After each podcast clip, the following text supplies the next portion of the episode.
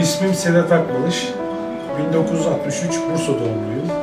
Benim dedem Hamdi Akbalış. Onun da oğlu Ahmet Yılmaz Akbalış ve ben üçüncü kuşak oluyorum. Bu mesleği ilk önce dedem Hamdi Akbalış Galicia Savaşı'ndan sonra genç iken bir Ermeni tarafından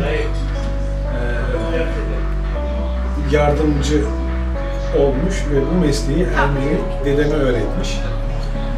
Dedem de eee, kendi oğluna, kendi oğlu da bize bu nesile kadar aktarılan bir meslek. Eee, mesleğimiz eee, İslamiyet'in sembolü olan alemdir. Eee, camilerin üzerlerine, kubbelerin üzerlerine, şadırvanlara, minberlere, eee, her türlü İslamiyetle ilgili eee, yapılan malzemelerin üzerine takılan semboldür. Nasıl Hristiyanların sembolü haç ise bizim de sembolümüz alemdir. Çekirdekten yetişmez ise çocukken bu mesleği öğrenmez ise sonradan bu meslek öğrenilmez. Ee, çok zor tarafları var. Bize göre çok kolay. Fakat ilk başlayana göre çok zor. Sadece bakır kullanıyoruz. Dedelerimizden ne gördüysek o malzemeyi kullanıyoruz. Malzememiz çürümeyen bir malzemedir. Yağmura, suya, kara, her türlü şartlara dayanıklı bir malzeme olduğu için bakır malzemesini kullanıyoruz. Bu alem alüminyumdan da olur, saçtan da olur, başka malzemelerden de olur ama bu malzeme çürümediği için eee, bakırdan yapıyoruz. Normal ilkokulu bitirdim. Ortaokulu bitirdim. Ee, babam e, beni yanına almak istedi. Fakat okul hayatımda benim biraz zayıf gidiyordu. Topa meraklıydım. Bir iki sene kaldıktan sonra babam beni yanına aldı. Ve beni temelden yetiştirdi bu meslekle ilgili. Ee, aşağı yukarı bir 100 yıllık bir mesleğimiz. Dede, baba ve ben üçüncü kuşak olarak e, devam ediyoruz. Ee, Türkiye'de bunu yapan 4 veya 5 kişi var. Ee, bu mesleğimi yaptıkça da kendimde gurur duyuyorum. Hem e, şey bu dünyada e, kalacak değiliz, göç edeceğiz. Ama benim bu Türkiye'de eserlerim kalmış olacak. Kars'tan Edirne'ye kadar verdik. Bu son 5-7 yıldan beri de yurt dışına veriyoruz. Türkmenistan, Almanya, Fransa, İtalya, Bulgaristan, Yugoslavya, Romanya o tarafları veriyoruz. Son 3 yıldan beri de e, evlere dekor olarak vermeye başladık. E, ofislere, evlere ve iş yerlerine e, dekor olarak alem almaya a- Alemcilik kaybolan bir meslek. Türkiye'de çok az kaldığımız için e, şey de yetiştiremiyoruz, çırak da yetiştiremiyoruz. Maalesef e, bizden sonra da bu meslek, meslek kaybolup. Daha yeni ortaokuldan çıktım. E, dükkanda tabii kalfalarımız vardı. Bana e, torna geçirdiler ama yavaş yavaş da öğrenmeye çalışıyorum tornayı. Malzeme tam sonuna kadar geliyorum. Malzemeyi patlatıyorum, çatlatıyorum. Bir oldu, iki oldu, üç oldu. Kalfa dedi, ne yapamıyorsun bunu dedi. Dedim, ustacığım olmuyor yani, patlıyor dedim. Bana bir tane tokat vurdu. Çok gücüme gitti. Tokat vurması. Sonra babama, baba dedi, böyle böyle bir kalfa dedim. Beni dövdü. Tokat attı bana dedi. Niye dedi? Malzeme dedim, çatlatıyorum.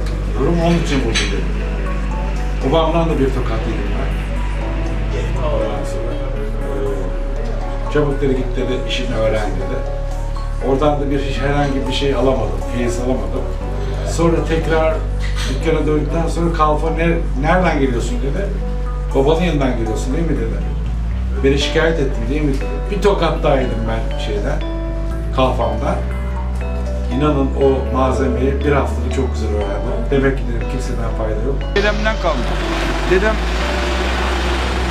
11 yaşında öksüz kalıyor. Annesi babası ölüyor.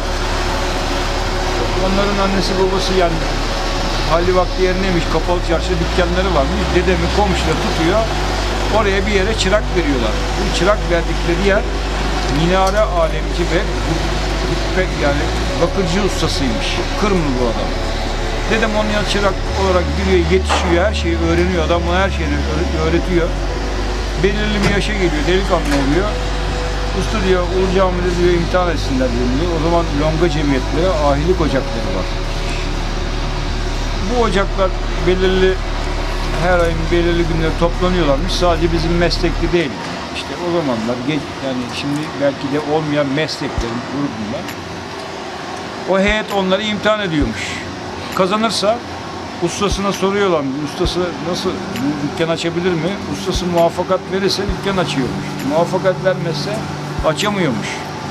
Peki diyor ustası. Ondan sonra el ustasının elini öpüyor. Peştemal kuşanıyor. O zaman peştemal derler. Usta olarak geliyor. Ondan sonra buna dükkan kazanma hakkı kazanıyor. O zamanlar dükkan açana bu cemiyet, bu ocaklar kimisi para yardımı yapıyor, kimisi takım yardımı yapıyor, kimisi iş veriyor. Yani daha dükkan açarken boğulmadan insan kalkınıyormuş.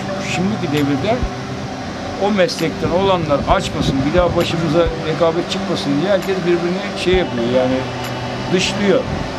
Öyle devre giriyor. Bizim de babam da tahsil görüyor. Çok ileri derecede tahsil görüyor. İşte özel kalemini yapıyor, galerimizi yapıyor. Geliyor gidiyor babası varlık diye bunun. Özeniyor. Genlerde de var. Mesleği bırakıyor, memuriyeti. Babasının mesleğine geliyor, çıraklık yapıyor. Tabii tahsille de genlerde de var. Meslek birleşince ustanın ustası oluyor. Biz de babamız bize çok iyi bakıyor diye hep özendik babamıza. Bizi babamız sokmamaya çalıştı. Gide geliyor. Ben de bu mesleği öğrendim. İçimizde de demek ki aşk var. Kendiliğimden usta oldum. Ömür de böyle bitti. Bu meslekler insan yetişmediği için yavaş yavaş bitiyor. Yani bir de kullanılıp alanı daralıyor. Şimdi cami Türkiye'de mutfak eşyası gibi değil bu işler. Bütün herkese hitap etsin. Sadece camiye hitap ediyoruz biz. İşte camiler var olduğu müddetçe bizim gibi insanlar var oluyor ama gerisi gelmiyor. İnsan yetişmiyor. Yani bu işi öğrenecek insan yok. Bizle beraber son buluyor. Ama benim gibi birkaç kişi var Türkiye'de. Onlar da öyle yani yakınıyor. Adam bulamamaktan. Yerine adam yetişmiyor. Onun için körleniyor bu işler, bu meslekler. Yüz tutmuş meslekler. Şimdi mesela tabii biz bu işe alışmışız. Bir de gönüllüler de var, sevgi var. Yani bu meslekleri yapmak için bir de içeriden gelerek bir aşk, sevgi olması lazım sanata karşı. Şimdi herkes e, paraya bakıyor. Bir ev geçindirmek, evlenmek kolay değil yani. Hayat pahalı. Şimdi mesleği öğrenecek adam belirli bir yaşa para kazanacak bir kazan. Bizim hazır bir müşterimiz var. Kendimizi idare ediyoruz ama yeni birisi gelse bu mesleğe başlasa para kazanmayacak, kazanmayacak mı bırakır mesleği. Bir de onu düşünüyorlar. Kazanç meselesi. Peki Ancak buna devlet el atacak. Vakıflar bir ekip kuracak. Kaybolan meslekleri ayakta yaşa- yaşatmak için. İşte bizim gibi ustalar tut- tutup usta olarak oraya belirli bir aylık verecekler geçinecek şekilde. İsteyen belirli kişileri benim gibi meslek gruplarına ayıracaklar. Biz eğitici olarak öğretmenlik yapacağız. Bu meslekleri sürdürüyor. Hem onlara çalışacağız, iş yapacağız. Bütün tarihi eserleri onaracağız, şey yapacağız. Benim gibi hattapları var. A- ağaç oymacılar var. Bizim gibi meslek sahiplerini. Ancak bu şekilde bu meslekler yürür. Yoksa şimdi bir adam tutmak, onun sigortası var, aile var. Bizim gibi insanlar bunu hak edemez. Ama devlet kanalında olursa hem bu meslekler ayakta kalır hem de devlet bizden faydalanır. Anılarım yok işte. Biz bu mesleği aşk dışı. yani Nerede mesela ben bu işte kendi mesleğim yani en son bize cami bitiyor. Camilere çalışıyoruz. En son tepeye biz takılıyor. Ben mesela Suudi Arabistan kralına özel alemler yaptım. Oranın sarayında yaptırmış olduğu camiye. Ne bileyim Hollanda'da Türkler kilise satın alıyorlar, ibadete sokuyorlar. Soruyorlar gazeteler, tercüman gazeteler, kim yapar Türkiye'de bu işi? İşte Bursa'da Ayhan Savuk. Beni öyle buldular. Hep böyle özel yerlere alemler yaptım. Şu anda da Türkiye'nin bütün camilerini süslemekteyim. Ama benim gibi yapan başka meslektaşlar da var ama en iyisini ben yapıyorum. Türkiye'de.